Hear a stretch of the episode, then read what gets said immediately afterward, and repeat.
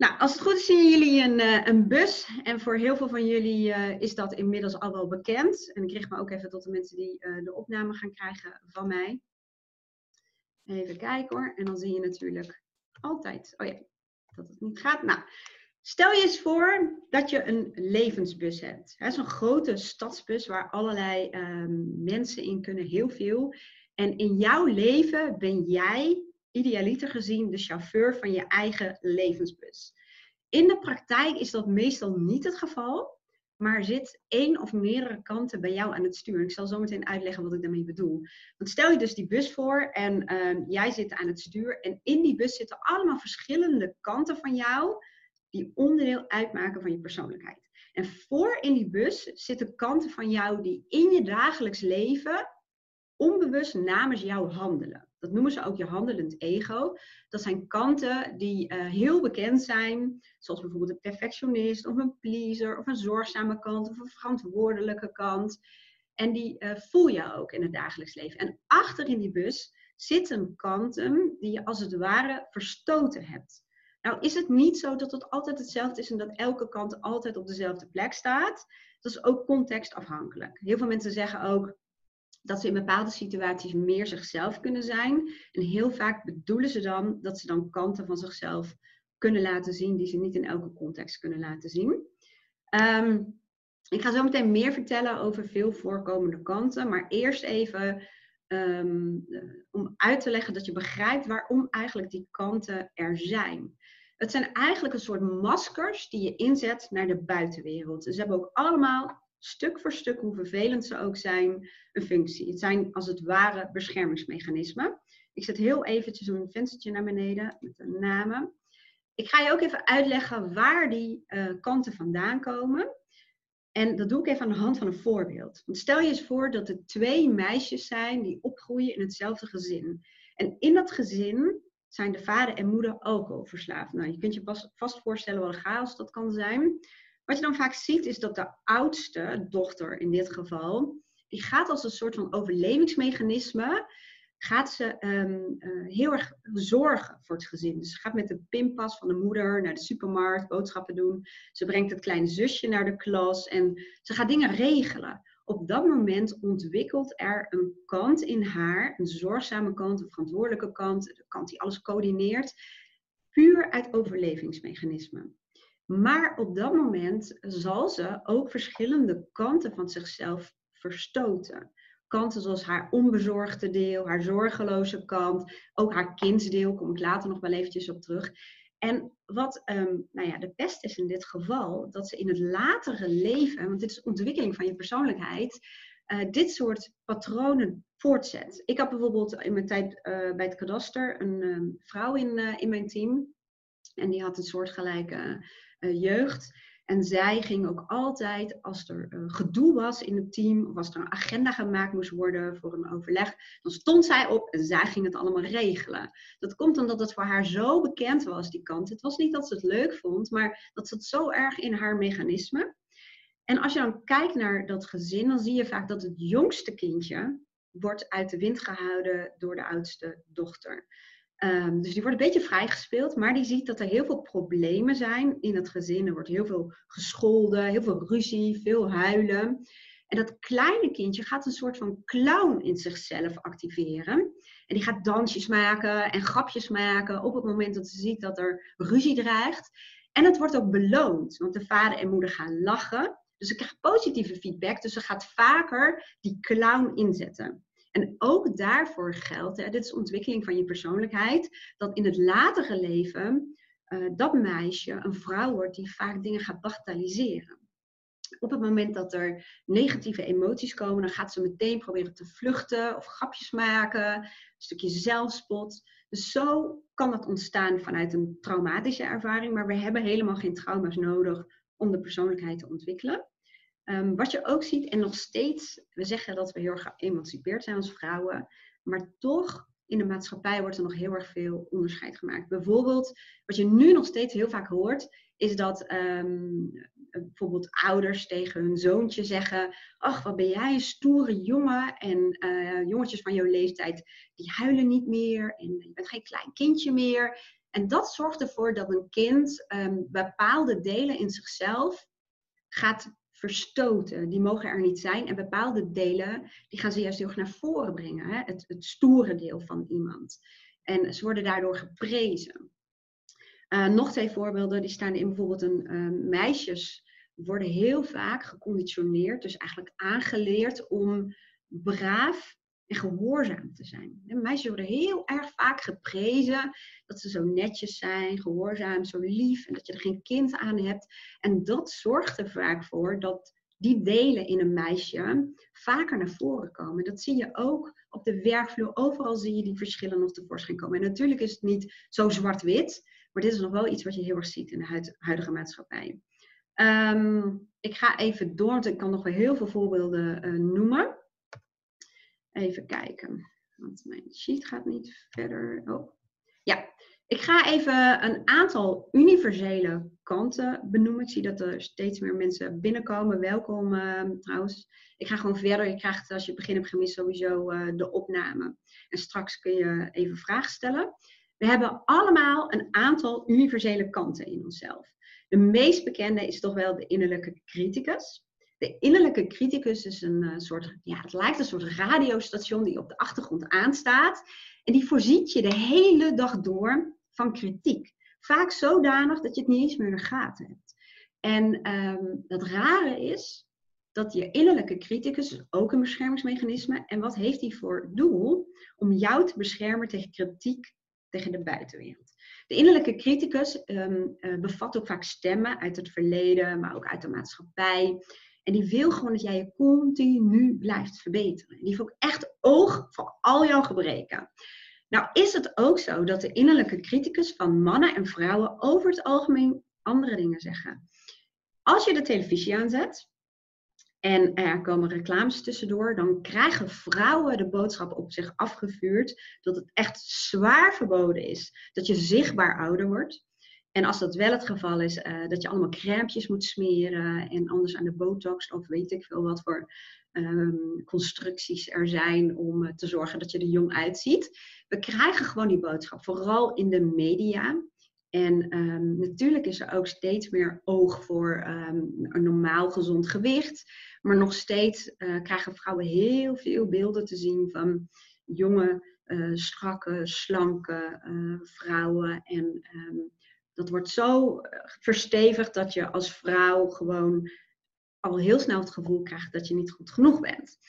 Um, andere dingen zijn dat je als vrouw um, en eigenlijk carrière moet maken, maar ook een goede moeder moet zijn, en een goede partner moet zijn en 60.000 ballen in de lucht moet houden.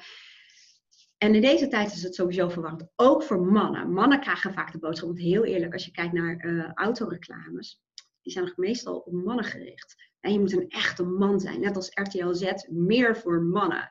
Die krijgen ook de boodschap dat ze enerzijds een echte man moeten zijn. En anderzijds, ze moeten ook kunnen huilen. Ze moeten ook hun gevoelige kant kunnen laten zien. En als ze die dan laten zien, dan is het ook vaak weer niet goed. Dus we krijgen in deze huidige tijd best wel moeilijke boodschappen uh, tot ons, waar die innerlijke criticus als het ware mee moet dealen. Ik kom daar later nog wel eventjes op terug en uh, sowieso ook in het vragenrondje. We hebben ook allemaal een innerlijke rechter. Een innerlijke rechter is een kant die uh, heel erg in de gaten houdt of anderen zich wel gedragen conform onze normen. Dat is eigenlijk de kant die heel snel een oordeel heeft over iemand anders. Een heel simpel voorbeeld is, stel je gaat straks de auto in en je wordt afgesneden door iemand in het verkeer. En je zegt, wat een aso. Dat is eigenlijk het werk van je innerlijke rechter. Nou, we hebben ook allemaal drie innerlijke kindstelen. We hebben het gekwetste innerlijke kind en uh, het kwetsbare kind. En daar zit eigenlijk al het pijn en het verdriet en trauma's ligt groot en schaamte en afwijzing aan vast. En in het dagelijks leven, in je volwassen leven, wordt dat deel nog best wel vaak geraakt. En ik zal je zo meteen een voorbeeld van mezelf geven. Uh, dat illustreert het een beetje. Twee jaar geleden ging ik met mijn uh, dochter, zij had een vriendin mee, met mijn stiefzoon en met Aaron, mijn vriend, ging ik op skivakantie. Nou, uh, moet ik eerlijk zeggen dat ik een beetje bang was geworden voor skiën. En ik was ziek geworden. Heel vaak is dat ook een beschermingsmechanisme um, waar je lichaam voor ingezet wordt. Maar dat valt even buiten dit webinar. ik was dus ziek. En ehm, ik zei op een gegeven moment tegen iedereen, gaan jullie nou maar lekker skiën? Ik red me wel. Dus ehm, nou, dat deed ik. Maar op een gegeven moment pakte Aaron, mijn vriend, zijn sleutelbos. En dat geluidje, dat, hè, dat, zo gaat dat in ons brein, dat triggerde mijn gekwetste kind. Want vroeger, toen mijn ouders uit elkaar gingen, uh, ging mijn vader weg. Hij liep uit huis en dat geluid van die sleutels, die heb ik dus geassocieerd, dat is onbewust proces, met verlating. En hij pakte die sleutels en ik hoorde mezelf zeggen, en nou ben ik helemaal alleen. Jullie laten me helemaal alleen. En, en ik hoor, ik, ik werd me ervan bewust, omdat ik met voice dialogue gewoon heel erg hiermee bezig ben. Maar ik dacht, wow, wat gebeurt hier? En iedereen keek ook naar mij van, huh? Ze zagen ook echt zo'n switch van, het ging goed, van ga jullie maar lekker. En in één keer zat ik er letterlijk en figuurlijk bij als een klein kind. En ik werd me daarvan bewust en ik dacht, ah, dat is oude pijn. Ehm, dus het kan door hele kleine dingetjes getriggerd worden. Zelfs door bijvoorbeeld een geur of door een, iets wat iemand zegt. En op dat moment, hè, dat is ook een van de doelstellingen van Voice Dialogue, deze methodiek, is dat ik me er eh, bewust van werd en wist dat dat deel in mij op dat moment wat nodig had. Iets nodig, niet meer van mijn ouders, want het kan al lang niet meer, maar van mij. En dat is ook een stukje geruststelling van, oké, ik voel dat deel en ik snap wat het wil doen. Um, het wil gewoon dat ik niet in de steek word gelaten. Maar ik ben nu in staat om er zelf voor te zorgen. En dan kun je als het ware jezelf geruststellen van dat is pijn van vroeger, ik red me prima, uh, komt helemaal goed. En dan merk je, dat is een stukje bewustzijn. Dan pak je de regie daarover. En heel veel mensen, dat zie ik bij mij hier aan tafel ook uh, in mijn praktijk, um, die zijn nog niet in staat om op dat moment dat het speelt de regie te pakken. Maar die laten zich overroelen door zo'n kant. In dit geval dan dat kwetsbare kindsdeel. Nou, we hebben ook allemaal een speelskind. Mijn speelse kind kan echt uit zijn dak gaan uh, als ik met kindjes ben. In de speeltuin uh, kan ik echt een heel klein kind zijn, bijvoorbeeld. En heel veel mensen uh, krijgen contact met hun eigen speelse kind in relatie tot andere kinderen. Dan hebben we nog het magische kind. Het magische kind is bij heel veel mensen verstoten. Um, het magische kind is het kind dat zich niet zoveel aantrekt van wat wij als volwassenen uh, als waarheid neerzetten het magische kind is, dat, dat zie je ook in kleine kindjes die zeggen, ik word later astronaut. En heel vaak zeggen ouders, ja, dat is wel leuk, maar dat kan eigenlijk niet. Dat is wel heel moeilijk hoor.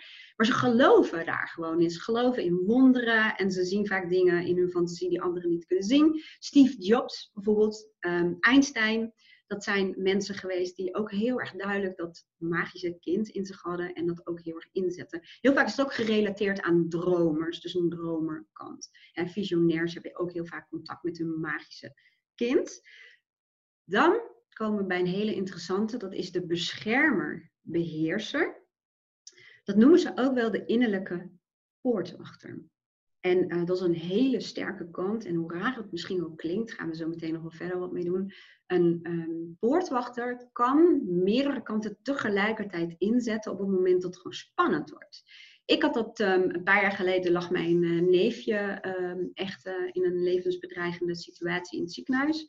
En mijn zusje had mij nodig. En op dat moment gaat mijn beschermer, beheerser, die poortwachter, die gaat um, als een beschermingsmechanisme, die komt naar voren in mijn bus en die schakelt bepaalde kanten uit. Dus gevoel, emotie, um, innerlijke crisismanager kwam. Ik ging handelen en um, ik ging doen wat er uh, gedaan moest worden en ik was er voor mijn zusje.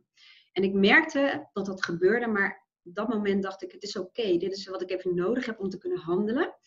En op een gegeven moment, toen ik had gedaan wat ik kon doen, heb ik ook heel bewust, ben ik even naar huis gegaan, heb ik even gezeten en dacht ik, oké, maar nu laat ik ook mijn gevoel en mijn emoties toe. Want heel veel mensen blijven anders hangen in zo'n kant. En um, dan creëer je eigenlijk weer evenwicht in je persoonlijkheid. Ik ga heel even het eh, delen van mijn scherm stoppen. Om even aan jullie te vragen of er vragen zijn. Of jullie dit een beetje kunnen bevatten. Dus één momentje. Yes, oké. Um, er zijn inmiddels uh, steeds meer mensen binnengekomen, dus welkom. Als jullie dit verhaal zo horen, hebben jullie op dit moment dan al vragen? Of um, kunnen jullie een beetje een beeld bij je krijgen? Heel duidelijk geen vragen. Dankjewel uh, Laura. Leuk dat je erbij bent trouwens. Ik wacht nog heel even, neem ik even een slokje.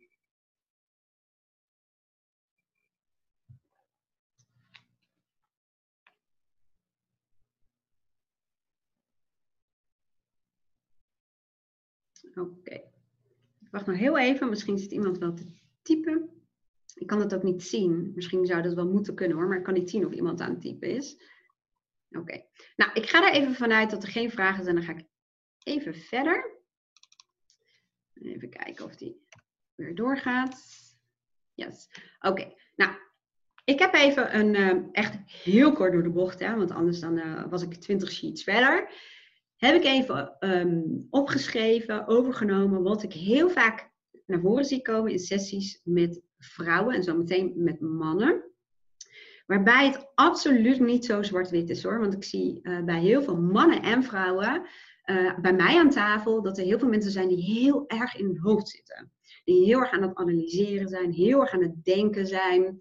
Um, ja, continu nadenken, nadenken, nadenken, nadenken, reflecteren. Dat zie ik bij mannen en vrouwen. Maar wat ik heel veel zie bij vrouwen, is dat ze een kant hebben die zich overal verantwoordelijk voor voelt. Als ik het niet doe, doet niemand het. Een schuldgevoel speelt ook een hele grote rol bij vrouwen. Dat is heel vaak in relatie tot kinderen, maar eigenlijk met heel veel dingen. Ik merk het nu ook, wij hebben een pleeghond die logeert een tijdje bij ons. En um, ik voel me gewoon heel vaak schuldig dat ik niet meer tijd met hem door kan brengen buiten als ik een drukke dag heb.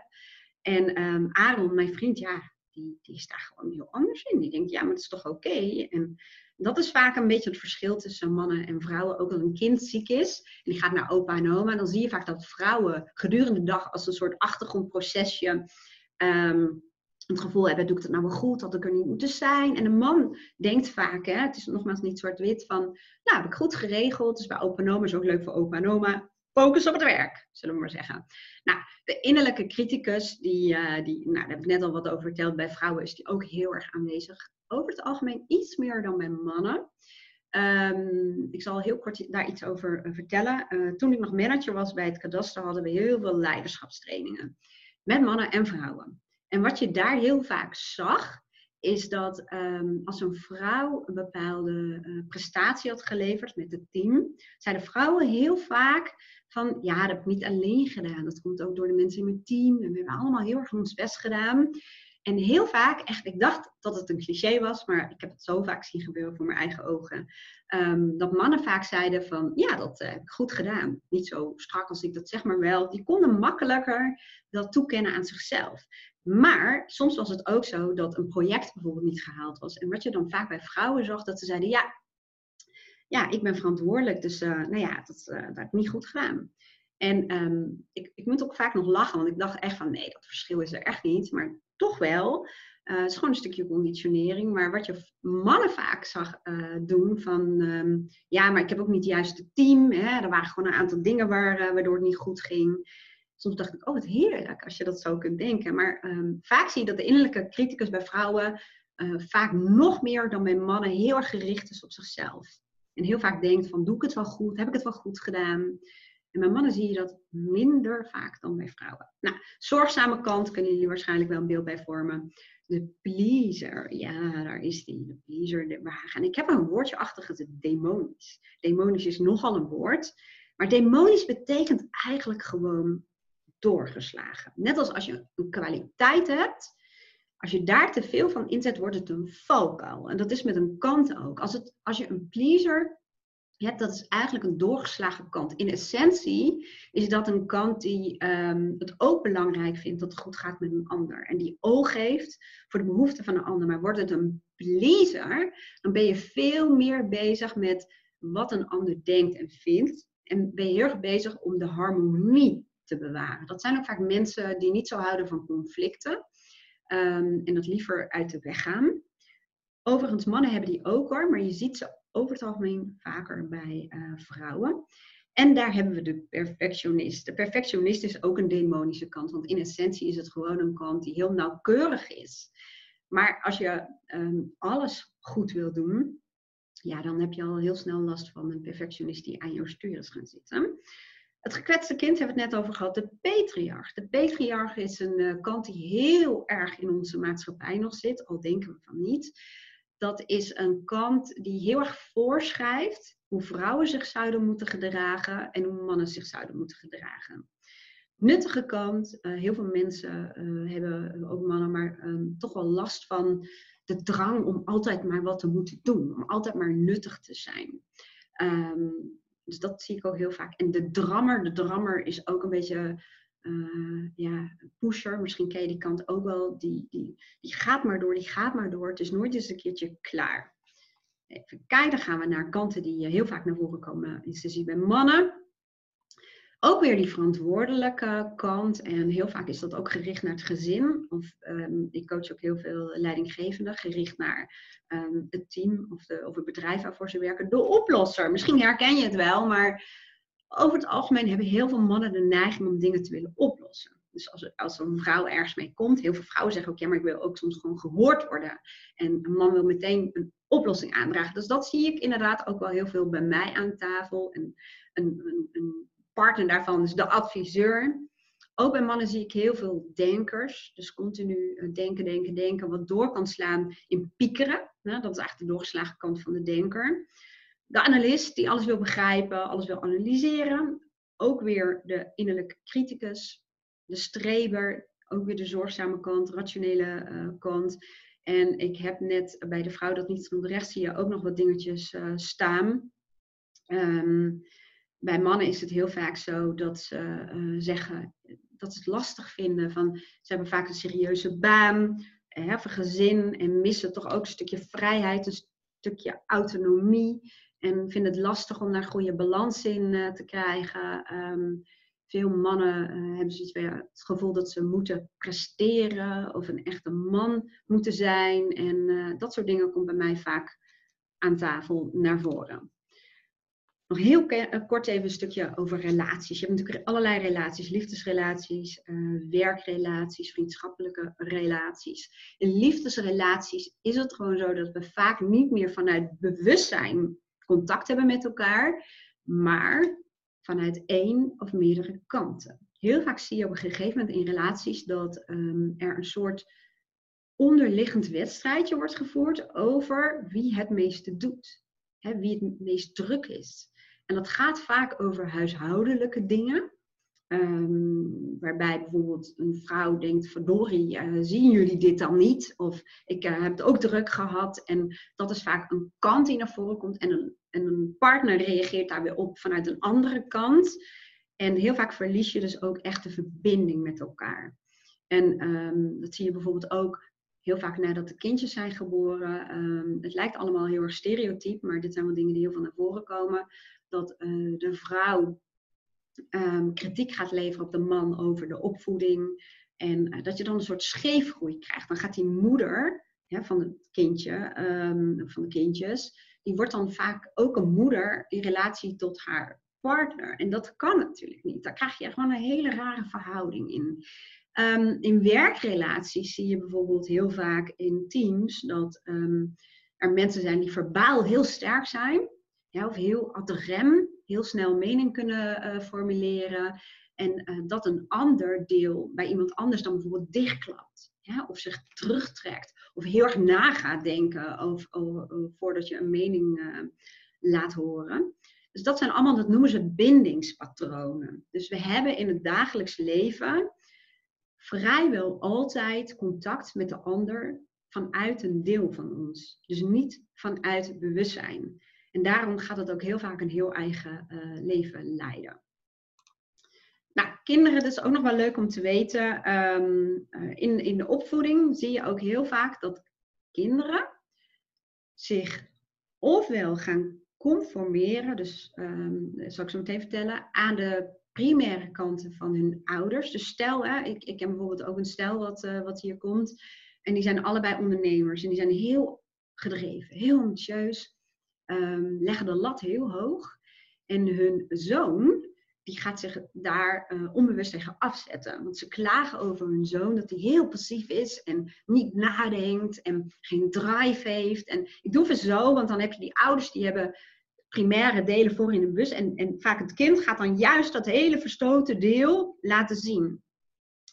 Um, dat kan ook andersom, het kan ook zijn dat een uh, kind zich juist heel erg wil conformeren. Die wil eigenlijk ook richting uh, die ouders. Maar er zijn ook heel veel kinderen die het gevoel hebben dat ze dat niet kunnen bereiken. En dat ze um, toch nooit goed genoeg kunnen doen. En vaak kom je dan in een soort van aangeleerde hulpeloosheid. Dan denken die kinderen vaak onbewust hè, van laat maar. Dus, misschien dat jullie dat uh, herkennen. Um, ik ga nog heel veel terug, want misschien dat dit wat bij jullie oproept of dat jullie uh, dingen herkennen. Willen jullie iets laten weten? Herkennen jullie wat dingen?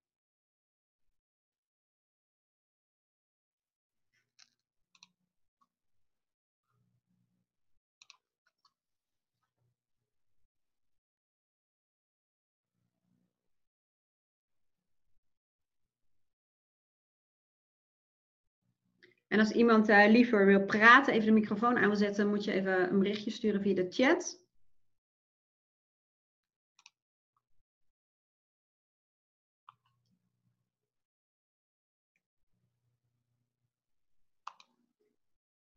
Oké, ik zie, ik ben aan overdenken en ik denk over alles tien stappen vooruit. Bingo, de vrouwelijke kanten zijn zeer herkenbaar. En over situaties als wat als, herkenbaar. Oké, nou, wat mij betreft gaan we er gewoon heel veel nu op in. En dan start ik even met de eerste, want ik ben een overdenker. Dat is ook meteen een leuke, en dan kom ik zo meteen ook wel even op terug. Um, als je zegt, ik ben een overdenker, dan is er voor jouw brein een identificatie met een primaire kant. En wat ik daarmee bedoel, je identificeert je met die denker. Als je tegen je brein zegt: Ik ben een overdenker, dan zal je brein nul, niks, geen energie gaan steken in verandering. Want als je iets bent, daar kun je niks aan veranderen. Eén kleine lifehack is door jezelf daar los van te maken, door te zeggen: Ik heb de neiging om alles te overdenken. Als je dat doet, dan weet je brein, ah, het is gedrag, het is veranderlijk. En uh, jullie krijgen de sheets nog uh, nagestuurd, dus daar staat dat ook gewoon in. Maar als je jezelf hoort zeggen, ik doe het ook, hè? Ik, ik ben hier echt zo gigantisch in getraind, maar ik hoor mezelf dat ook zeggen. Ik ben, hè, ik ben een streber, ik ben een perfectionist. Nou, ik niet meer hoor. Maar als je dat zegt, dan zal uh, je brein niet gaan investeren. Dus zeg, ik heb de neiging om. Of in situaties die ik spannend vind, dan ga ik huppelde, puppelde, pup. Nou, ik ben een overdenker. Ik denk over alles tien stappen vooruit. Nou, je kunt je dan voorstellen als je naar die bus gaat. Jij bent normaal gesproken de chauffeur. Maar als jouw denker, dat is gewoon een sterke kant van jou, het is gewoon een kwaliteit. Maar kun je je voorstellen, als die denker bij jou op schoot gaat zitten, ik pak nu even een boekje. Die denker, dit is de denker, die zit op jouw schoot. Tada! Je kunt alleen nog maar vanuit het perspectief van die denker naar de wereld kijken. Dus de denker, die doet waar die goed in is. En die denkt over alles na. Want die zit aan je stuur. Dus die, net als angst, als je angstig bent, bent hè, hier is ook identificatie, maar heel veel mensen zeggen ik ben angstig. Dan zie je vaak dat angst op schoot gaat zitten. En op het moment dat angst aan je stuur zit, dan gaat angst vanuit het perspectief van angst naar de wereld kijken. En ehm, nou, heel vaak hebben mensen ook het gevoel, en het voelen ze al in emotie, dat ze niet meer de regie hebben. Dat ze niet meer zo de baas zijn over hun emoties. En ook dat over alles nadenken, tien stappen vooruit, dat is altijd een teken dat jouw denker heel vaak gewoon het stuur uit je handen heeft gehaald. Nou, en ik ga later even uitleggen wat je mee kunt doen, maar wel heel kort nu even. Wat je zou kunnen doen. Het is namelijk niet de bedoeling, geldt voor angst, geldt voor de denker, om ze weg te duwen of om ze te overwinnen. No way. Ze zeggen ook, what you persist is what you nee, what you resist is what you persist. Dus alles wat je wegduwt, komt vaak dubbel en dwars weer terug. Het gaat erom dat je een momentje neemt om, um, en dat zit ook in bijvoorbeeld mijn programma, of dat doe ik vaak in sessies, maar kun je ook best wel alleen al doen, om bij wijze van spreken even te gaan zitten en te gaan bedenken, denken, Oké, die denker is zo sterk aanwezig, die wil overal over nadenken. Wat wil die eigenlijk? Hè? Wat is het beschermingsmechanisme hierachter? Die denker heeft een boodschap. Het is een, het is een bescherming. Die wil iets. Die wil iets voorkomen. En de denker, en vooral als je tien stappen vooruit denkt, die wil heel graag vaak controle over allerlei mogelijke scenario's. Die wil graag uh, vooruitkijken, zich kunnen voorbereiden, zodat je in elk geval um, niet met je bek vol tanden komt staan. Of um, uh, nou ja, de controle verliest of whatever. Dat is voor iedereen anders. Maar het gaat erom dat je luistert naar die denker van mij. Probeer maar een beeld te vormen. Ja, wat is dat voor kant van mij? Wat, is, wat, wat wil die? En als je luistert, dan leer je de echte boodschap achterhalen. Um, en je ziet ook heel vaak dat denkers, die krijgen te weinig aandacht. En dan slaan ze door naar piekeraars. En piekeraars, die gaan bijna altijd, zoeken ze een weg om tot jou te komen, voordat je in slaap valt, als je net wakker wordt, als meteen je pluk je hoofd aanstaat, of midden in de nacht, dat je wakker wordt. Want de piekeraar zoekt een moment waarop jij naar uh, dat deel kunt luisteren, hoe bizar dit natuurlijk ook klinkt.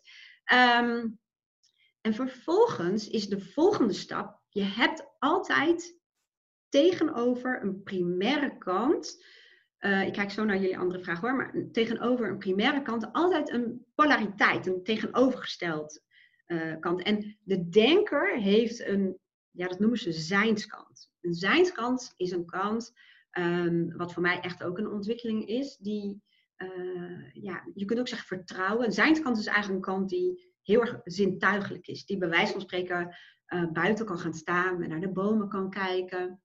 Echt zijn zintuigen inzet en goed kan luisteren. En geur ruikt. Echt de kant die in het hier en nu is. En daar heb ik ook oefeningen voor om dat te trainen. Om echt in het hier en nu terecht te komen. En daar heel erg op te concentreren. Want dan gaan die gedachteprocessen niet zo aan de slag. Want het is gemeten, we hebben ongeveer 60.000 tot 70.000 onbewuste gedachten per dag. En als jij dan je denker aan het stuur hebt zitten, succes, dan zijn dat er nog veel meer dan dat. En dan overroelt die denker jou eigenlijk. Dan kun je daar bijna niet meer aan ontsnappen. Nou, je kunt ook uh, bijvoorbeeld afhankelijk van uh, de reden waarom jouw denker zo actief is, um, je vertrouwen erbij halen. dus dan heb je aan de ene kant je denker die heel sterk is, moet even zo doen voor het beeld. En aan de andere kant vertrouwen. Dus die denker die laat je staan, want die is ook waardevol. Maar je nodigt ook je vertrouwen uit, op een andere kant. En je bekijkt uh, je situatie ook vanuit die kant. En wat je dan krijgt, evenwicht. En ik zal het illustreren met angst, want ik zag ergens een woordje angst. Um, als angst aan je stuur zit, hè, dan willen mensen angst vaak wegdoen. Nee, luister naar je angst. Hè. Wat is letterlijk de angst? Wat is de boodschap? Nou, daar kan ik nu niet helemaal diep op ingaan. Dat zal ik straks wel wat verder doen. Gaat om luister er naar, luister er naar, luister er naar. En vervolgens nodig je ook vertrouwen uit. En door ook vanuit vertrouwen, en er zijn tools voor, naar de situatie te kijken, dan ga je merken dat de kracht van je angst neemt af. En de kracht van vertrouwen neemt toe. En angst wordt dan functioneel. Want ik zou nooit adviseren om je angst weg te doen. Angst is gewoon functioneel. Dankzij angst zit jij hier en leef je nog.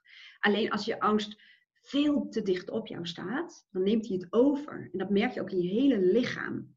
En dan zie je vaak ook alleen nog maar de beren op de weg. En dan nodig je vaak ook weer onzekerheid uit. Want onzekerheid is ook een deel. Die gaat er ook dolgraag mee bemoeien.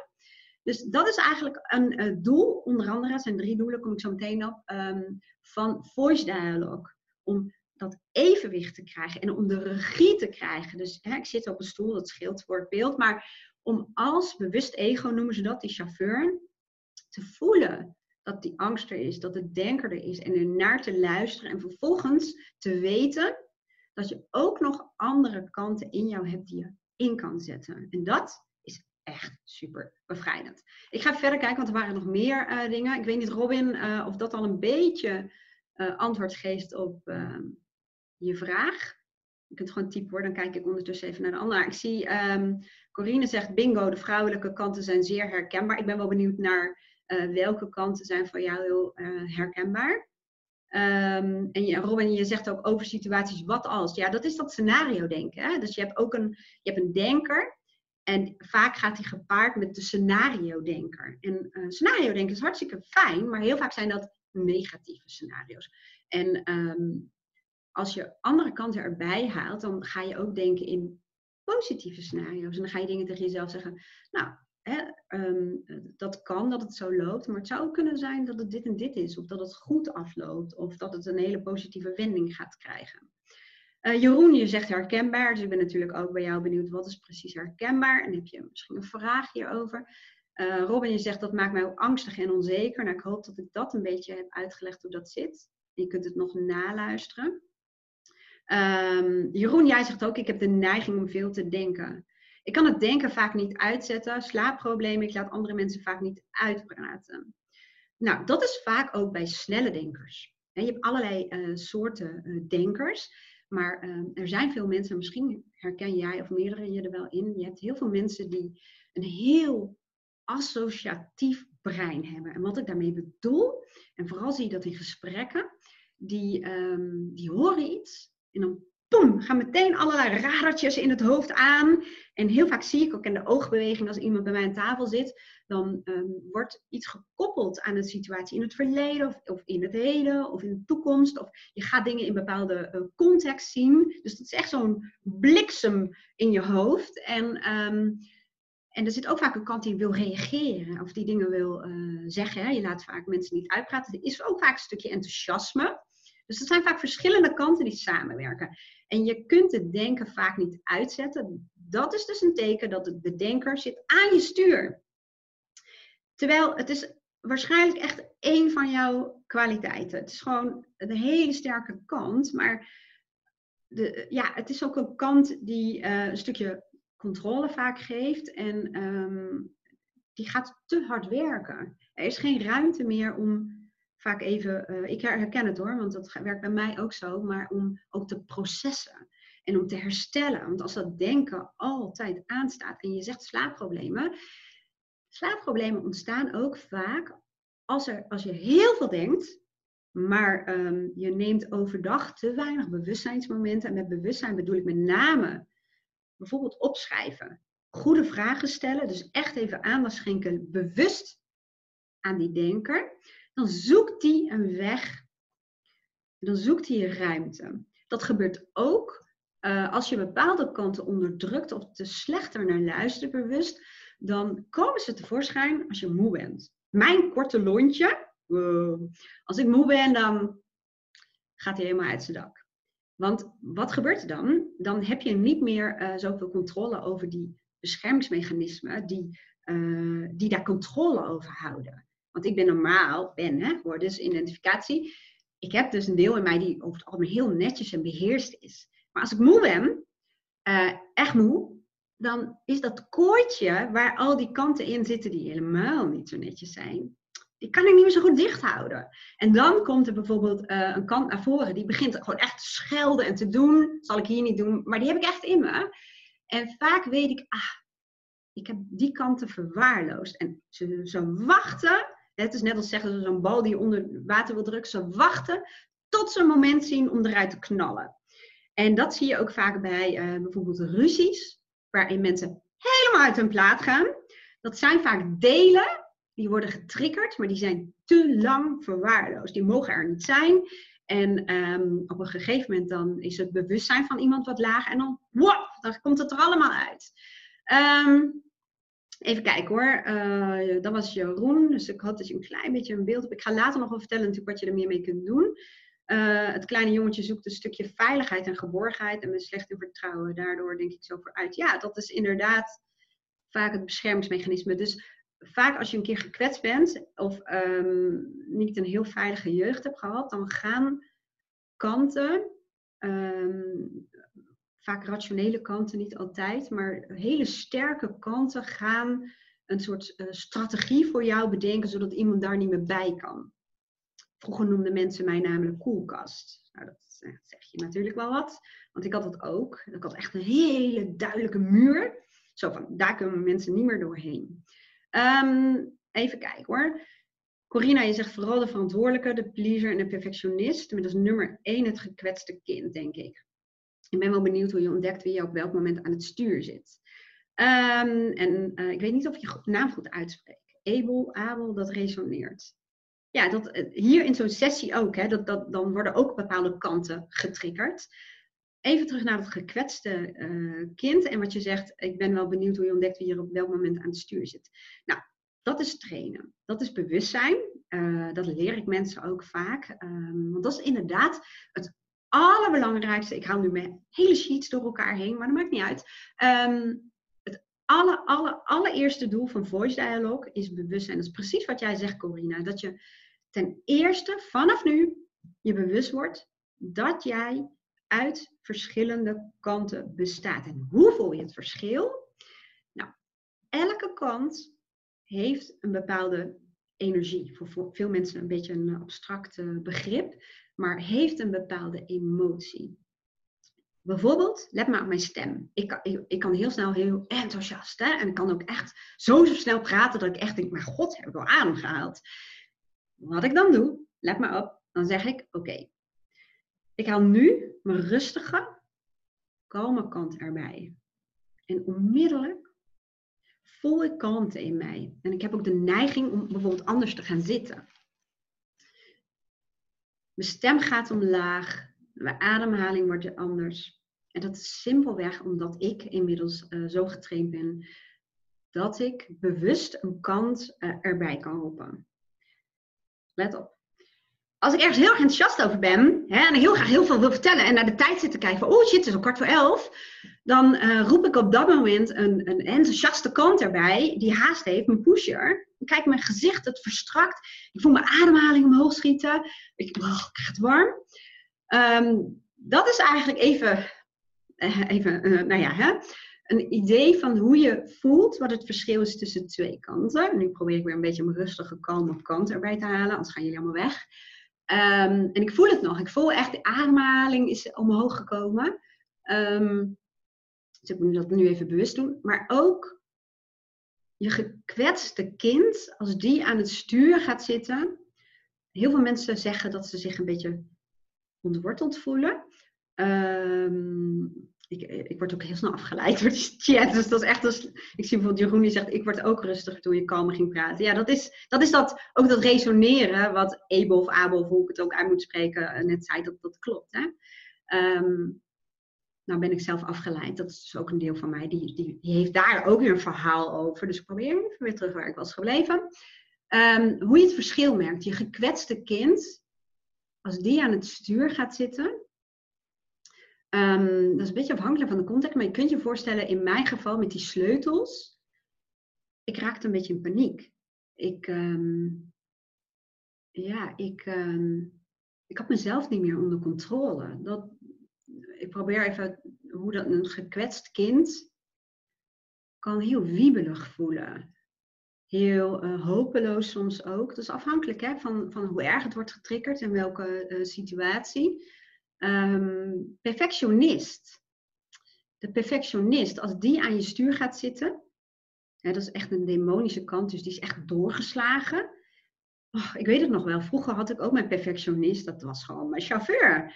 En um, ik had een uh, tuin in, in een ander huis en uh, elke dag in gedurende de week liep ik langs die tuin en zag ik al dat onkruid.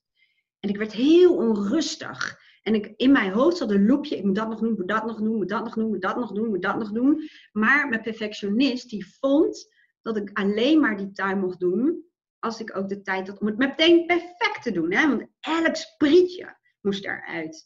En dat was het werk van de perfectionist. De perfectionist die kreeg ook bijna nooit echt iets af. Die haakte ook af. De perfectionist, ja, probeer maar ook voor jezelf na te gaan van hoe voelt dat? Een perfectionist voelt voorbij, als die bij mij uh, langskomt, het is nooit goed genoeg. Ik, ik, zie alles. Ik zie elke onvolkomenheid. En mijn innerlijke criticus, die komt er ook nog eens gezellig bij. Um, ja, je voelt wel vaak het verschil tussen bijvoorbeeld een... Stel dat je lekker op de bank zit te lezen of Netflix te kijken of whatever. Je voelt je heerlijk ontspannen dat voel je gewoon. En dat wil niet zeggen dat die ontspannen kant aan je stuur zit. Hè? Want het doel uiteindelijk van Force Dialogue is dat ze niet meer in je stuur gaan zitten. Ze proberen het wel, maar dat je het voelt. En dat je op dat moment denkt, aha, nu wil mijn gekwetste kind aan het stuur gaan zitten. Of mijn angst. Dat je heel even de tijd neemt, en dat is vaak maar een paar minuten. Oefenen. Om even te luisteren. Dat je bijvoorbeeld zegt van, oké, angst. Ik voel je. Wat wil je mij vertellen? Waar mag ik voor zorgen? Dus je eventjes probeert vanuit het perspectief van angst uh, te kijken en te voelen. Dan haal je bijvoorbeeld even adem. En dan voor jezelf oké, ik ben niet angst, dat is een deel van mij. Die is op dit moment gewoon getriggerd. En dat je op dat moment bijvoorbeeld je vertrouwen uitnodigt. En vertrouwen zegt bijvoorbeeld iets zoals van, ah, het komt wel goed joh, doe maar rustig. Er, is ook een kans dat het goed afloopt. Ehm, en dan merk je dat je, nou eigenlijk wat Jeroen net al zegt, je merkt het aan mij, hè? toen ik mijn rustige, kalme kant, alleen door het al te benoemen, roep je die kant erbij. En dit is trainen. Dit is ook de juiste tools hebben om dit te kunnen doen. Ehm, in mijn coaching doe ik dat, maar ook in mijn online programma's. Ik hou erg van, ik heb een heel pragmatische kant in mij. Ik wil gewoon graag dat mensen in situaties waarin iets speelt, iets hebben om op terug te kunnen vallen. En dan helpt het om bijvoorbeeld een paar trucjes te hebben om A te kunnen luisteren naar die kant die eigenlijk jou overneemt. En vervolgens bij jezelf na te gaan, welke kant heb ik nu nodig? Welke kant gaat mij nu dienen? En hoe roep ik die erbij, om het zo te zeggen? Um, even kijken. Um, heeft iemand op dit moment nog vragen? Want anders ga ik even door naar de sheets en dan komen we zo meteen wel weer terug.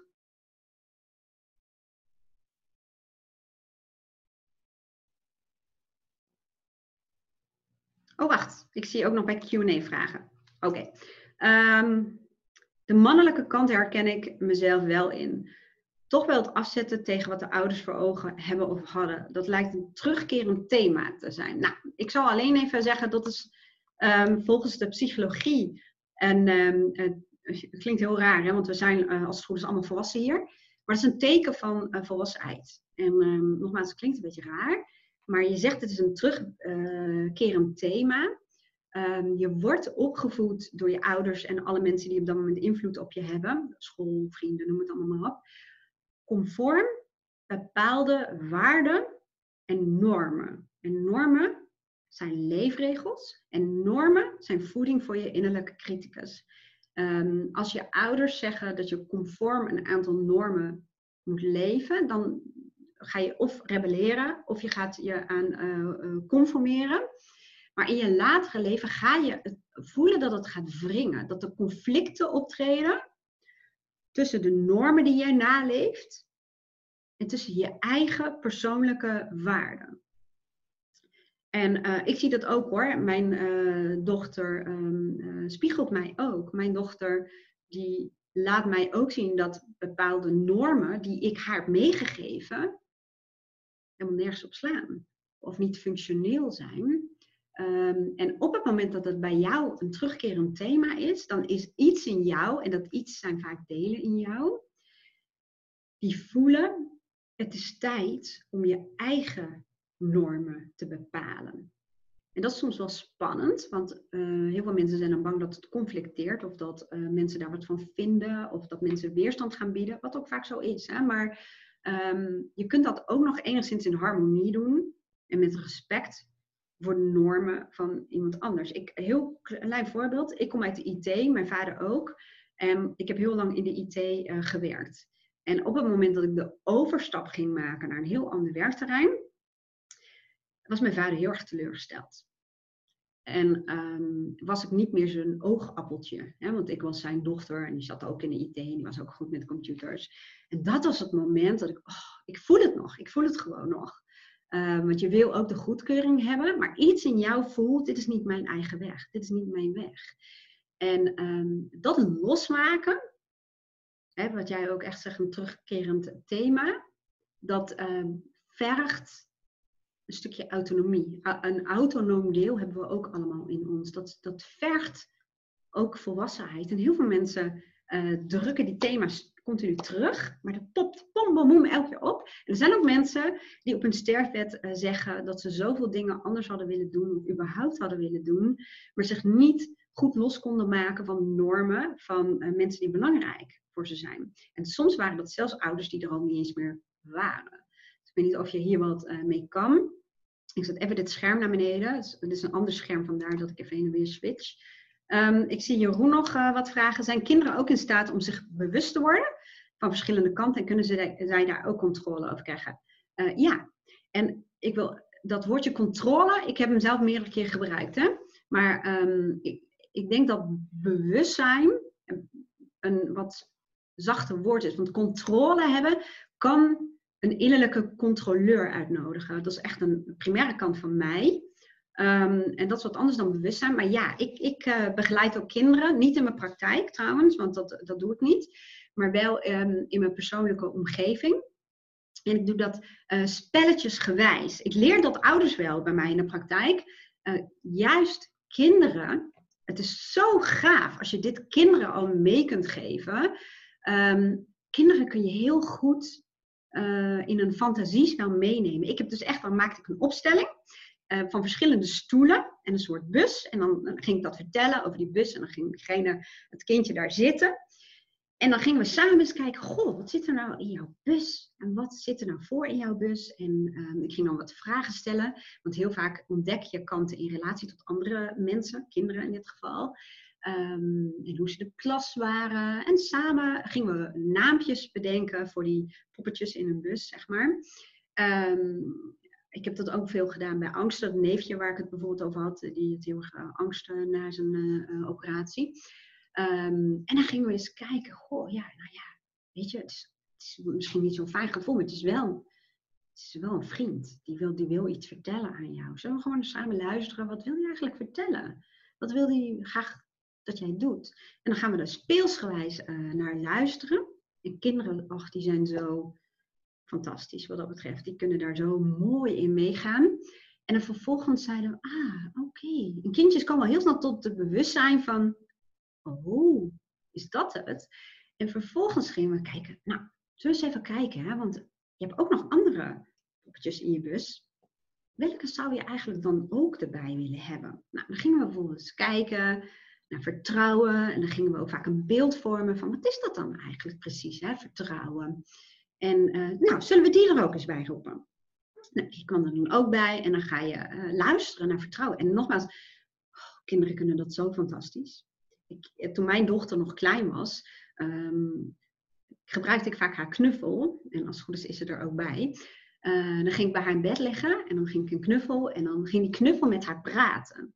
En um, Echt, het was waanzinnig wat ze dan vertelde tegen de knuffel. Ook over mij, hè, klachten over mij en dingen die ze meemaakte. Maar ze ging helemaal op in die knuffel. En je kunt ook de fantasie van kinderen gewoon heel goed gebruiken. En natuurlijk is het belangrijk hoe je dat faciliteert. dat leer ik dus mensen wel. En hoe kun je dat nou uh, faciliteren? Want daarmee geef je ze een zo ontiegelijk geweldig instrument. Want angsten komen in allerlei uh, gedaantes. Hè? En, um, ja, en op school. En je wilt, de meeste ouders willen dat hun kinderen dan een tool hebben. Dat ze zichzelf uh, gerust kunnen stellen. En um, ik wou zeggen aarde, dat klinkt een beetje gek, maar dat ze uh, ja, geconnect blijven met zichzelf. En dat ze ook leren dat ze geconnect zijn met zichzelf. Dat ze uh, wel verbinding kunnen maken met de ander. Maar wat heel veel kindjes doen, dat ze uh, verbinding maken met de ander, of gaan doen wat anderen willen, omwille van erbij horen, maar daarmee de, connectie met zichzelf verliezen. En dat hebben volwassen mensen overigens ook nog. Dus um, ja, kunnen kinderen, zijn die in staat om zich bewust te worden? Ja, heel erg. En afhankelijk van de leeftijd, ja, er zijn verschillende uh, leeftijden waarop je op een bepaalde manier iets aanbiedt. En waarbij er een bepaalde concentratie um, hoe zeg je dat, concentratiespannen. Of ik weet even niet hoe het noemen, maar de duur van de concentratie is, om het zo uh, te zeggen. Nou, ik, um, ik kom zo meteen weer terug bij jullie. Ik ga nog even verder met mijn uh, scherm. Um, ik zei net al, ik heb het een beetje door elkaar gegooid. Um, de doelen voor deze methode, die heet Voice Dialogue, eh, innerlijke dialoog. Ten eerste heb ik net al gezegd, is bewustwording. Dus bewust worden dat je bepaalde kanten hebt en dat ze allemaal een functie hebben. En dat het belangrijk is om er naar te luisteren. Want dan kom je erachter dat het heel vaak dingen zijn die je niet had kunnen bedenken. Um, de tweede stap is dat je dat bewuste ego, zo noemen ze dat nou eenmaal. Ik gebruik ook de officiële termen. Als we gaan googelen, dan, weet je, dan, kan heb je in ieder geval de termen. Een bewust ego inzetten betekent simpelweg dat je, wat ik eigenlijk net deed met die kalme kan, dat je echt even bewust wordt van, oh ja, er is bijvoorbeeld een innerlijke criticus, die wil me wat zeggen, maar ik heb ook een zelfverzekerde kant. Angst is er, ik ga naar luisteren, maar er is ook een kant die vertrouwen heeft. En dat je dus um, bewust ego inzetten betekent dat je keuzevrijheid hebt om bewust te kiezen hoe je je wilt voelen, hoe je je wilt gedragen. In plaats van dat een kant aan je stuur gaat zitten en het van jou overneemt. Nou, de derde, drie, is transformatie van kanten. En dat is het gave, want uh, kanten die demonisch zijn, hè, perfectionist, pleaser, piekeraar, uh, dat zijn doorgeslagen kanten. Die staan heel dicht bij je en die staan, zitten vaak aan je stuur. Die werken heel hard. Hè, dat altijd maar denken, denken, denken, denken. Dat is heel hard werken. Op het moment kun je je voorstellen, als jij uh, meer een, een, een zijnskant erbij haalt, die meer in het hier en nu is, vertrouwen erbij haalt, dan um, heb je er twee. Dus die gaat opzij, die neemt de kracht af. En op dat moment wordt die piekeraar gewoon je denker, die heel functioneel is. Dan wordt je pleaser de kant die um, zich ook bewust is van de behoeften van een ander als je naast de pleaser een gezonde egoïst zet, dan heb je je gezonde egoïst die in de eerste instantie kijkt naar jouw behoeften. En vervolgens naar die van ander.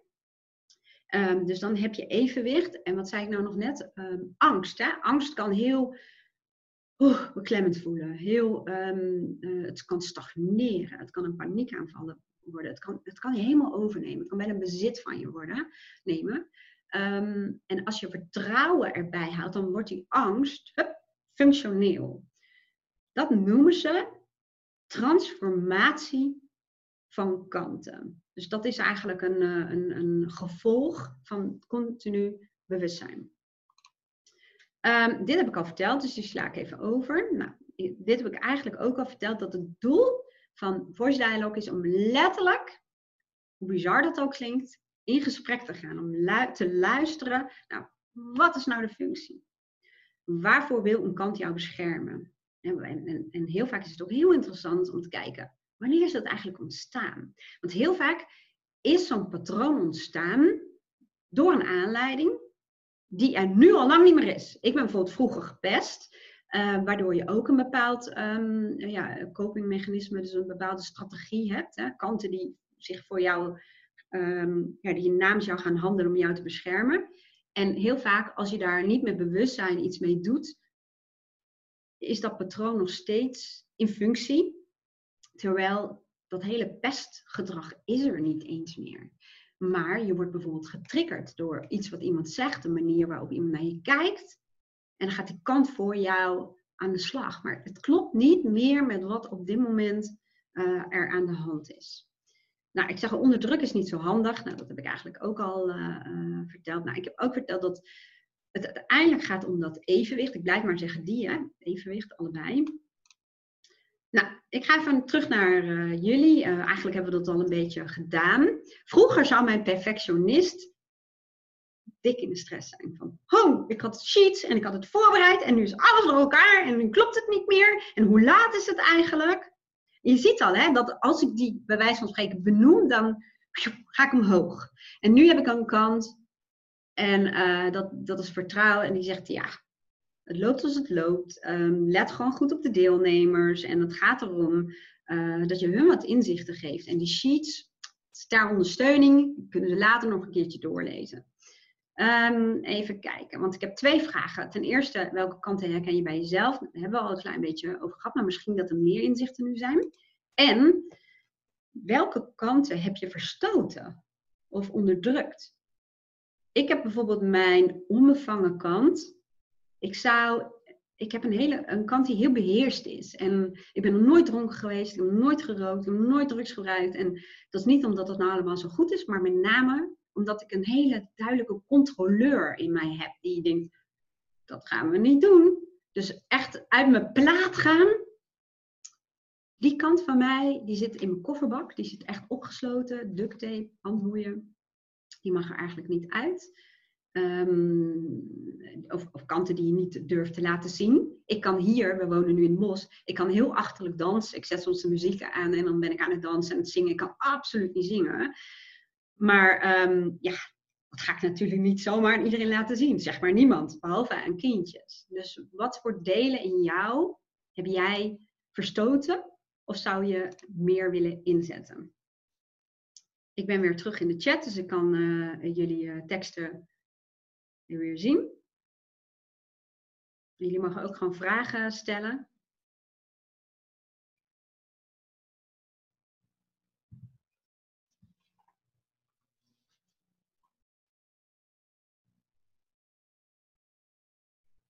Ah, ik kan niet goed lummelen, zegt Jeroen. Nee. Nou, dat klinkt in jouw geval ook best wel logisch. In die zin, um, als ik het goed heb begrepen, um, heb jij ook dat het denken maar doorgaat. Hè? Zeg ik dat goed? Ik ben namelijk uh, niet zo heel goed in namen. Ik ben niet zo goed in namen.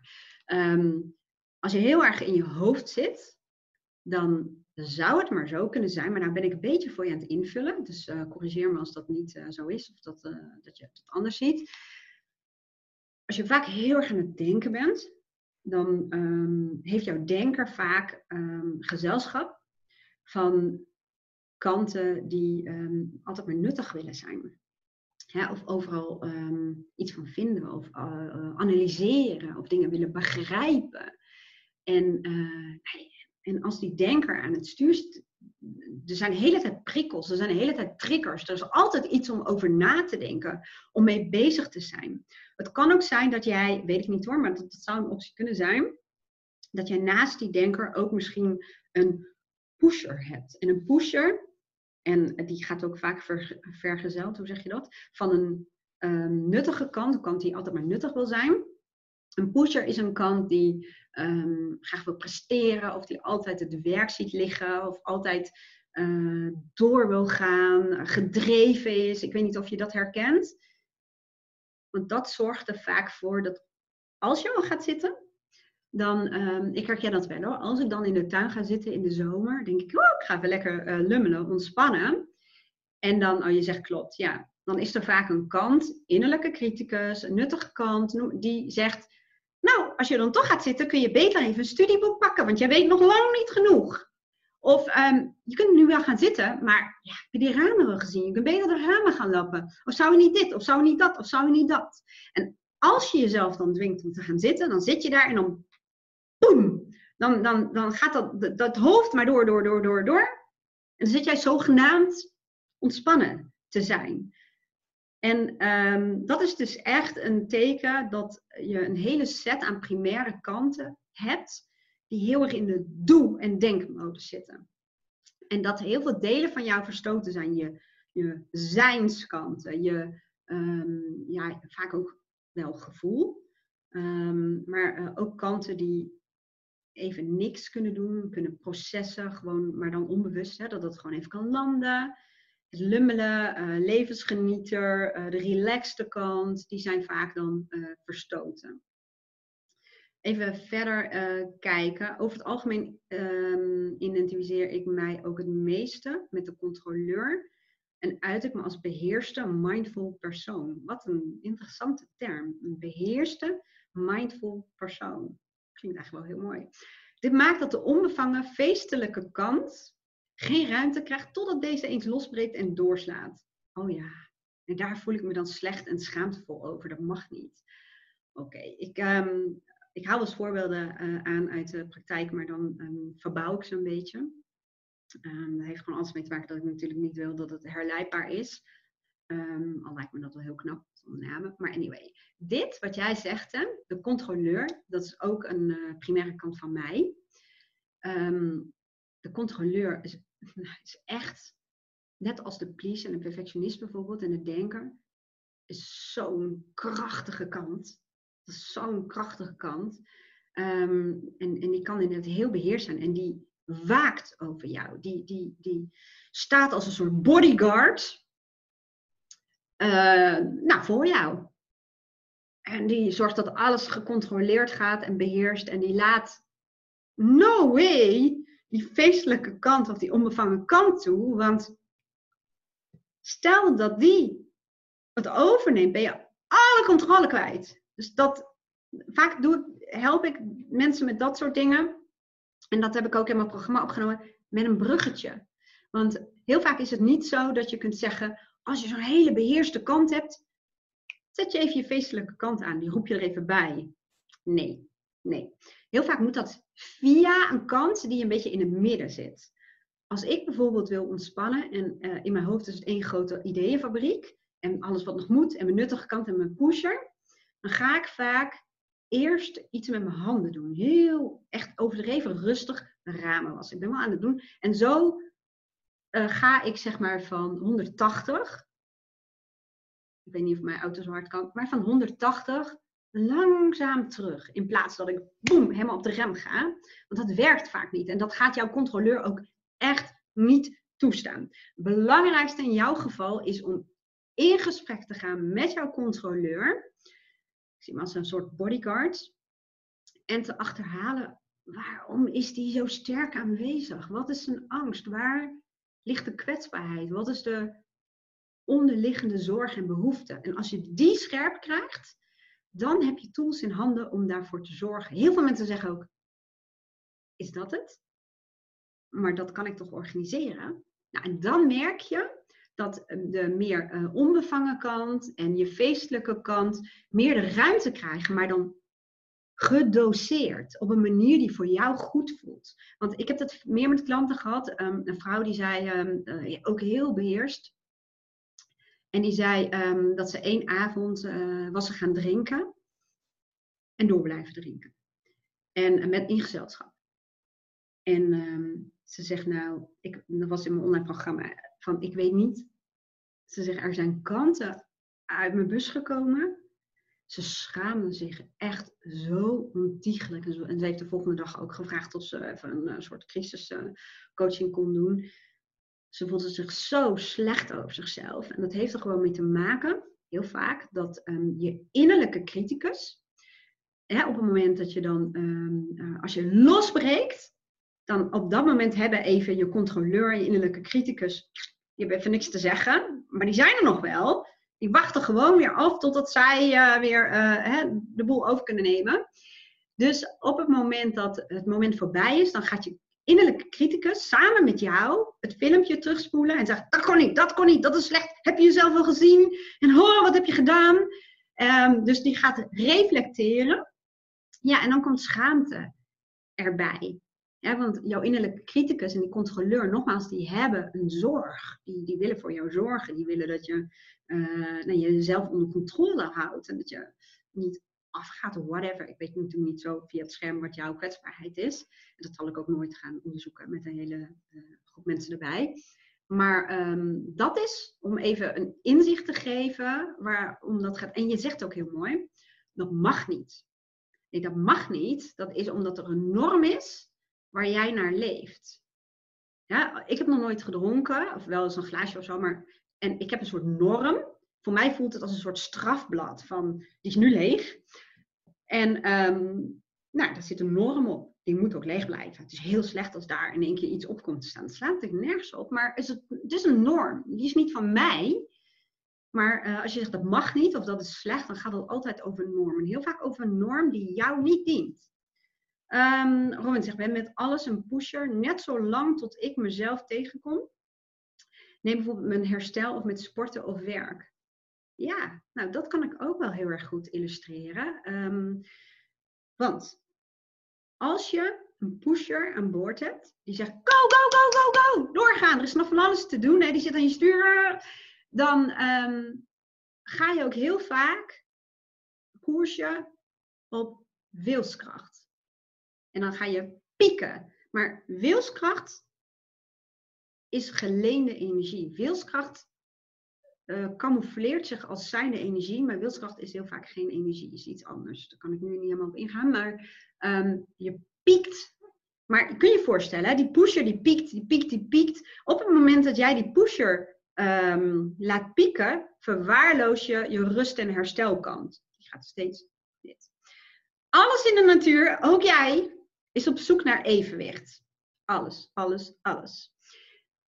Als jij niet gedoseerd, net als Abel of Abel dat zegt, die kant ook toelaat, die, die kant de ruimte geeft, hè, zodat het evenwicht ontstaat. En dit gebeurt, dus dit is die rust- en herstelkant en dit is die pusher.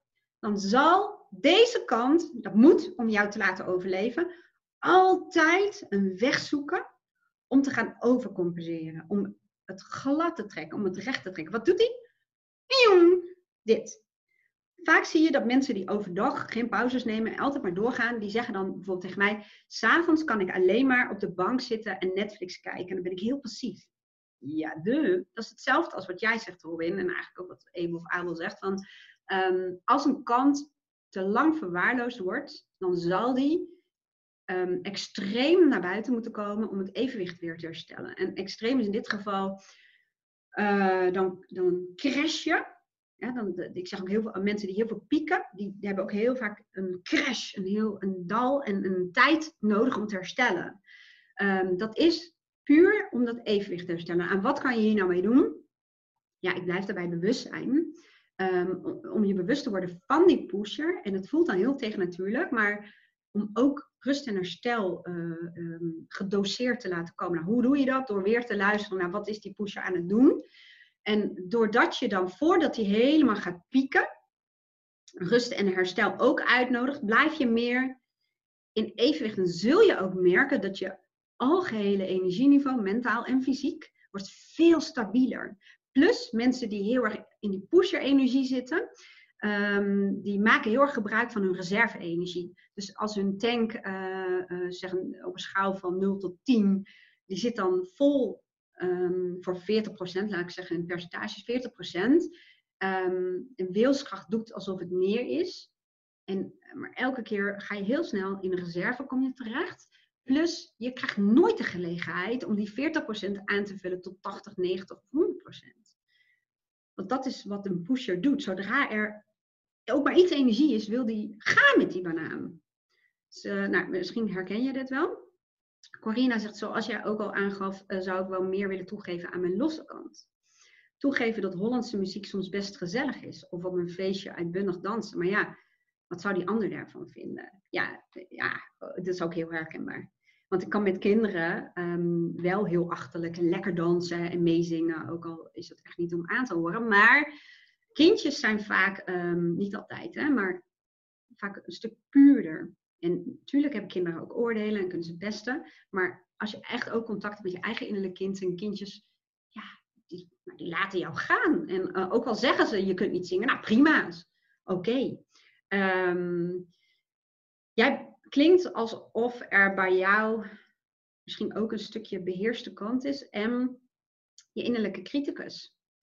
Hè, wat zou die ander daarvan vinden? En dat deel, dat in de gaten houdt wat een ander er mogelijk van zou kunnen uh, vinden, zorgt voor een heel hoog zelfbewustzijn. Uh, ik zie dat heel vaak in vergaderingen, in trainingen dat mensen uh, zenuwachtig aan een ring gaan pielen, rode vlekken krijgen, hoge ademhaling. En dat is altijd een teken dat je heel erg zelfbewust bent en dat je op een gegeven moment ook echt denkt, vingers. Ik heb, ik heb vingers, waar laat ik die? Um, je wordt je heel bewust van je eigen lichaam. En daar kan je ook heel zenuwachtig van worden, omdat je het idee hebt dat al die mensen naar jou zitten te kijken en dat ze bepaalde dingen uh, zien. Nou, dat staat je losse kant natuurlijk nogal in de weg. Dus in jouw geval zou het heel interessant zijn om te onderzoeken welke kanten zijn betrokken bij het tegenhouden van dat je losse kant er wat meer mag zijn. En um, ook daarvoor geldt, het gaat om het evenwicht. Hè? Want een, uh, iemand die heel beheerst overkomt, zal over het algemeen niet meteen een hele grote losmol worden. Ja, tenzij uh, dat extremer eruit komt. Um, maar het gaat erom dat voor jou een manier komt dat jouw de kant die um, misschien wat beheerster is. En die losse kant, die zich ook graag wil laten zien, want het geeft ook lekker wat energie en losheid. Nou, dat is gewoon goed voor je. Dat die er ook mag zijn. Maar dat die kant die het een beetje in de gaten houdt, op de zijlijn staat te kijken. Die, die is dan functioneel. En ook je innerlijke criticus, dat die um, ja, wat andere normen heeft over uh, nou ja, dat gedrag wat je graag zou willen vertonen. Um, ik kijk ondertussen even naar de tijd. Ik heb nog een paar sheets, daar wil ik zo meteen nog eventjes uh, naartoe. Heeft iemand op dit moment nog even een vraag of een reactie of een inzicht?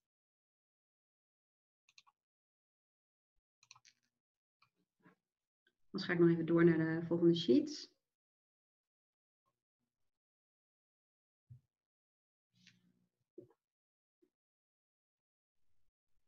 Ik merk net ook, hè, dan ben ik aan het drinken. En uh, dan voel ik maar zo mijn innerlijke criticus die zo eraan komt van, jij uh, slikt dat heel raar door. En dan ga je in één keer heel erg letten op het doorslikken. Dat is ook het werk van een innerlijke criticus. En als ik dat voel, dan kan ik op dat moment um, maar even een relaxte kant erbij halen.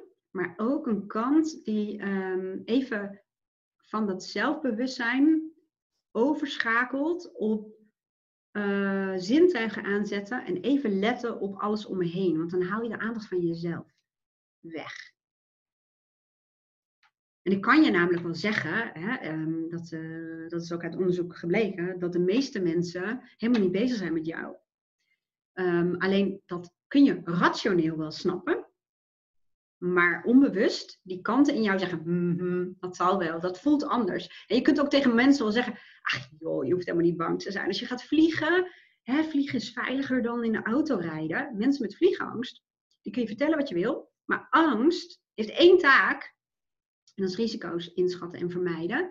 Ook al zou jij zeggen, uh, vliegen is heel veilig, angst heeft als taak om precies te kijken naar dat risico, ook is het 0,1%, whatever, maar die ziet het risico en die vult jou dan met angst, terwijl die ander maar kan blijven zeggen, ah joh, maak je toch niet zo druk? Ja, dat helpt voor geen ene ruk, want dit is een onbewust proces, wat veel sterker is dan uh, je bewustzijn, bewuste brein. Ik ga even naar de uh, laatste sheets.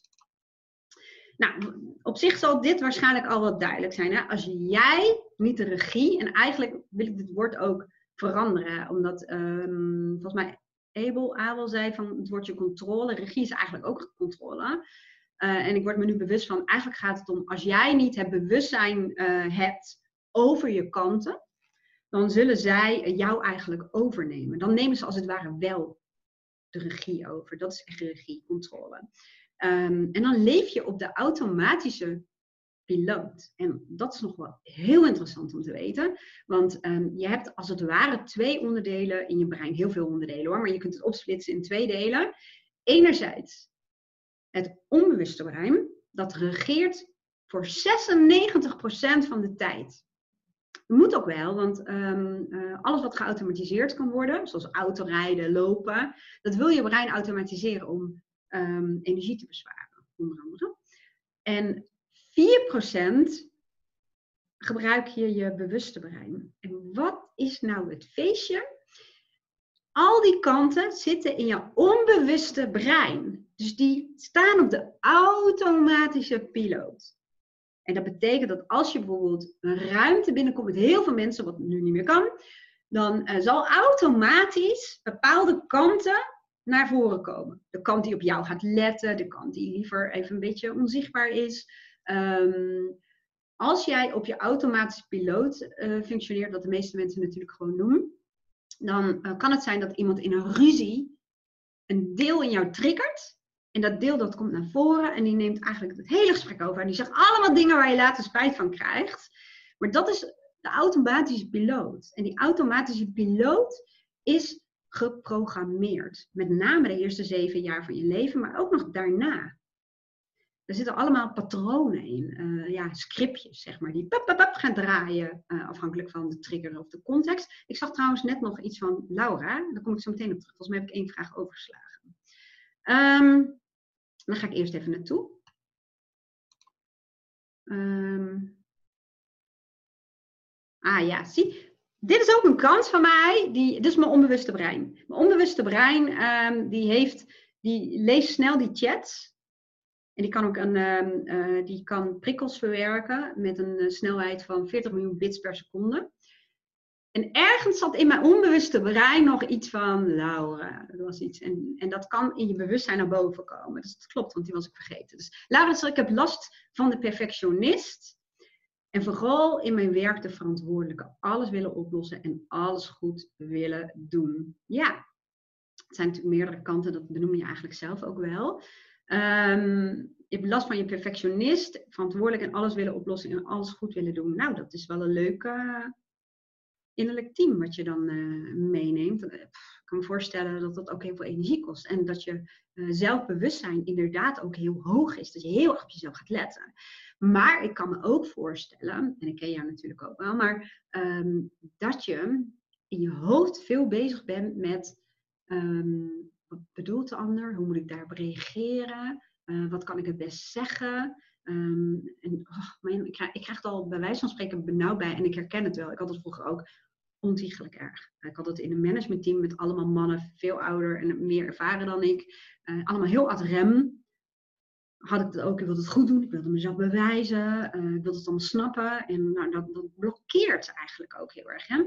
Ehm, nou, wat voor jou interessant is om in, uh, in eerste instantie te onderzoeken, wat willen die perfectionist en die verantwoordelijke en die kant die alles goed wil doen, wat willen die eigenlijk? Wat, wat willen ze voorkomen? Waar zijn ze bang voor?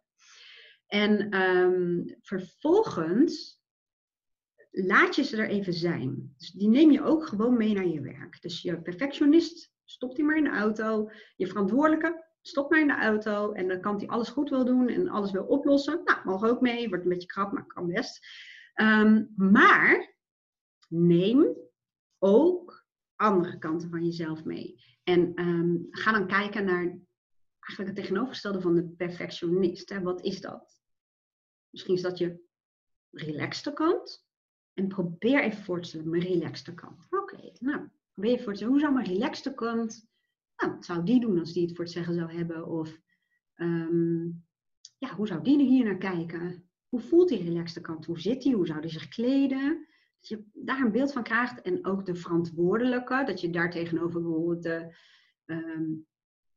wat voor kant, sommige mensen noemen de loslaatkant of hun um, mentorkant. Daar hebben we het volgens mij wel eens over gehad de die niet dingen overneemt, maar heel goed weet van um, wat valt binnen mijn invloedssfeer, wat is van mij. En wat is mijn taak en mijn zaak en wat hoort bij de ander. Er is ook een kant die zegt, het is niet jouw taak, niet jouw zaak. Dit is het stuk waar jij over gaat. Hier kun je aan bijdragen. En that's it. Dus dat je die kant ook in de auto doet. Volgens mij moet je een nieuwe auto. Um, en de kant die alles wil oplossen, hebben we het over gehad, en alles goed wil doen. Dan ga je kijken het tegenovergestelde van die kant. De kant die zegt, uh, ja, joh, als jij gewoon authentiek bent, echt. En um, jij hebt ook de communicatietraining gedaan. Hè? Als jij wat meer gaat ondertitelen, dus gewoon gaat benoemen wat er gebeurt, je vragen gaat stellen. De kant die zegt, nou, ik hoef helemaal nog niet alles te weten, want ik leer nog. En um, ik vind uh, het belangrijk dat ik connectie heb. Hè? Want de perfectionist staat connectie vaak in de weg. Dat je ook een kant meeneemt die voor de connectie gaat, de verbinding met de ander. En verbinding krijg je vaak door het juist niet te weten. Want als je iets niet weet, ga je veel oprechte contact maken met de ander. En, en uh, oprechte vragen stellen. Die doe je ook in de auto. En ik zal even kort een voorbeeld geven die misschien net even iets simpeler is. Ik had twee dagen geleden iemand aan tafel en die zei: Ik heb een uh, belangrijk gesprek om half vijf uh, vanmiddag. En ik zou, dat ik zou willen dat ik er met een open vizier heen ging. Zei ik: Hoe ga je er dan nu heen? Um, ik ga erheen met een kant die de controle wil hebben. Ik ga erheen met een kant die allemaal beren op de weg ziet. Um, ik ga erheen met mijn denker en met mijn twijfelaar. Oké. Ehm, ik zie nieuwe dingen. Dat kom ik zo een nieuwe chat. Kom zo in. Zeg, oké, dus die neem je mee. Ik zeg, nou, neem ze maar mee. Want je denker is gewend, je twijfelaar kan functioneel zijn, uh, de kant die controle kan allemaal functioneel zijn. Ik zeg maar, wat betekent voor jou een open vizier? Dat is eerst even belangrijk. Wat betekent dat? Oké, nou, dat hadden we gedaan.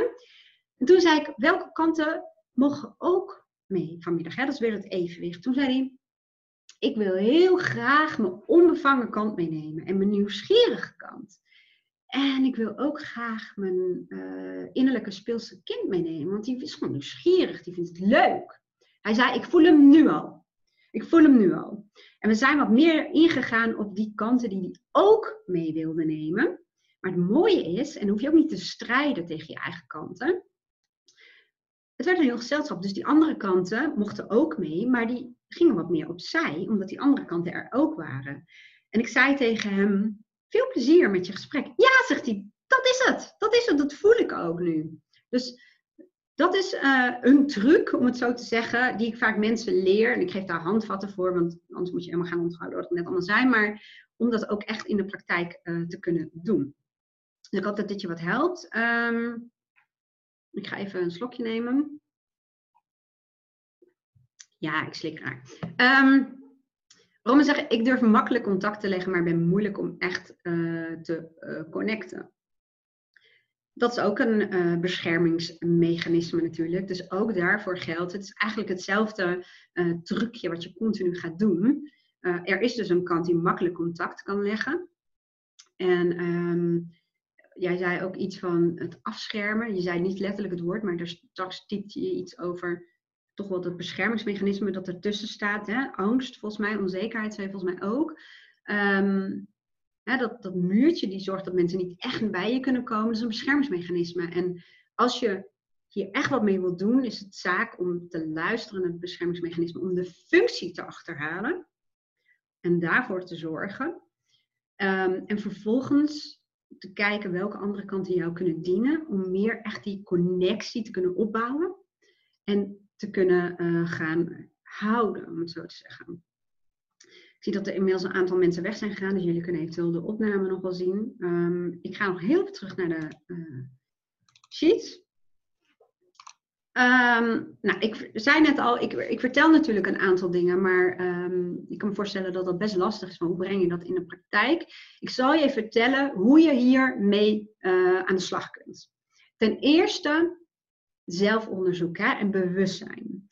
Hoe ik dat aanbied, hè, als je zegt van nou ik wil dat met jou verkennen, ik doe dat op bepaalde uh, manieren. Ten eerste, ik heb een online programma wat je gewoon zelf kunt doen met eventueel, als je dat wilt, uh, begeleiding van mij. Nou, wat houdt dat dan in? Dat je allereerst gaat onderzoeken, dat noemen ze een psychisch landschap.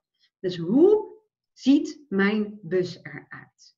En dat je dat ook kunt zien, dat het contextafhankelijk is. Dat je bij je vrienden misschien een andere busindeling hebt dan op je werk. Dus eerst onderzoeken, wat zijn je primaire kanten? Wat zijn je verstoten delen?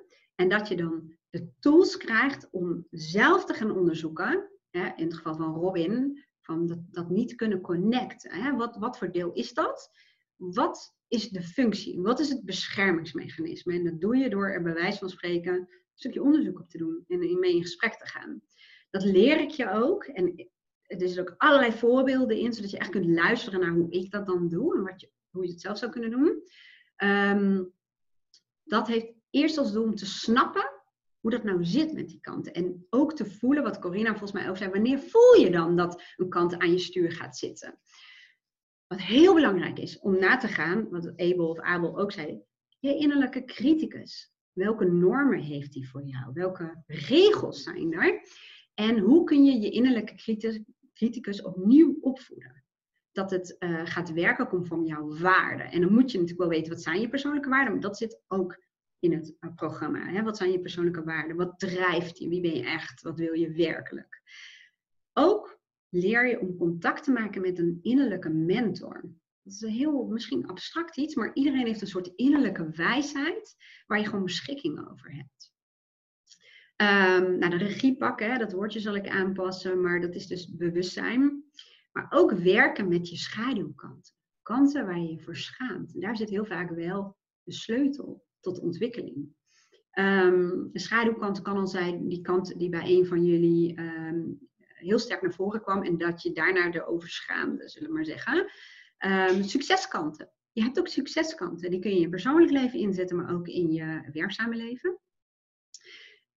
Ik moet gewoon heel eerlijk zeggen, uh, en daarmee uh, haal ik misschien mijn eigen online programma's onderuit ik geloof zelf niet zo heel erg in um, alleen maar een online programma doen. Voor sommige mensen, vooral de denkers, de mensen die willen analyseren, willen begrijpen en die ook zichzelf goed kunnen motiveren, werkt het perfect. Die doen een programma, die pakken het erbij wanneer ze het nodig hebben. Er zitten een aantal onderdelen in die je eigenlijk echt moet doen, wil je resultaat hebben. Maar er zitten ook um, onderdelen in die je kunt doen op het moment dat je het nodig hebt. Daarom heb je ook altijd levenslang toegang. Maar mijn ervaring is dat uh, sommige mensen gewoon op een gegeven moment, dan komt er klad erin of dan uh, vergeet je het. Ehm, en daarom geloof ik persoonlijk het meeste in een combinatie van een online programma en een stukje persoonlijke begeleiding. Nou, hoe ik dat doe met mijn klanten is heel simpel. Dat kan op de manier die het best bij iemand past. Heel veel mensen kopen een online programma en sturen dan uh, met name de eerste les hun huiswerk in. Gewoon via mail of via WhatsApp of wat dan ook. En die ga ik doornemen en ik geef jou persoonlijke coaching en feedback. En ik, echt waar, ik kreeg uh, van de week weer een berichtje dat iemand gewoon zat te huilen. En uh, dat er zoveel, zij zij, spijkers op hun kop werden geslagen. Omdat ik um, toch een van mijn kwaliteiten is dat ik heel goed tussen de regels door kan lezen. En heel snel de vinger op de zere plek uh, leg. Maar ook vertel wat je daar dan mee kunt doen. Dus ik maak heel erg, maak ik je bewust van patronen zonder in te gaan vullen of een oordeel te hebben. Dat doe je als coach nooit. Maar gewoon, ik maak je bewust van bepaalde patronen. En ik vertel je ook hoe je daar um, iets aan kunt doen, hoe je dat patroon kunt uh, doorbreken. Sommige mensen boeken meteen uh, zo'n huiswerkbegeleiding erbij en zetten dan een datum aan vast om een stok achter de deur te hebben. En sommigen boeken het bij wanneer ze dat uh, willen.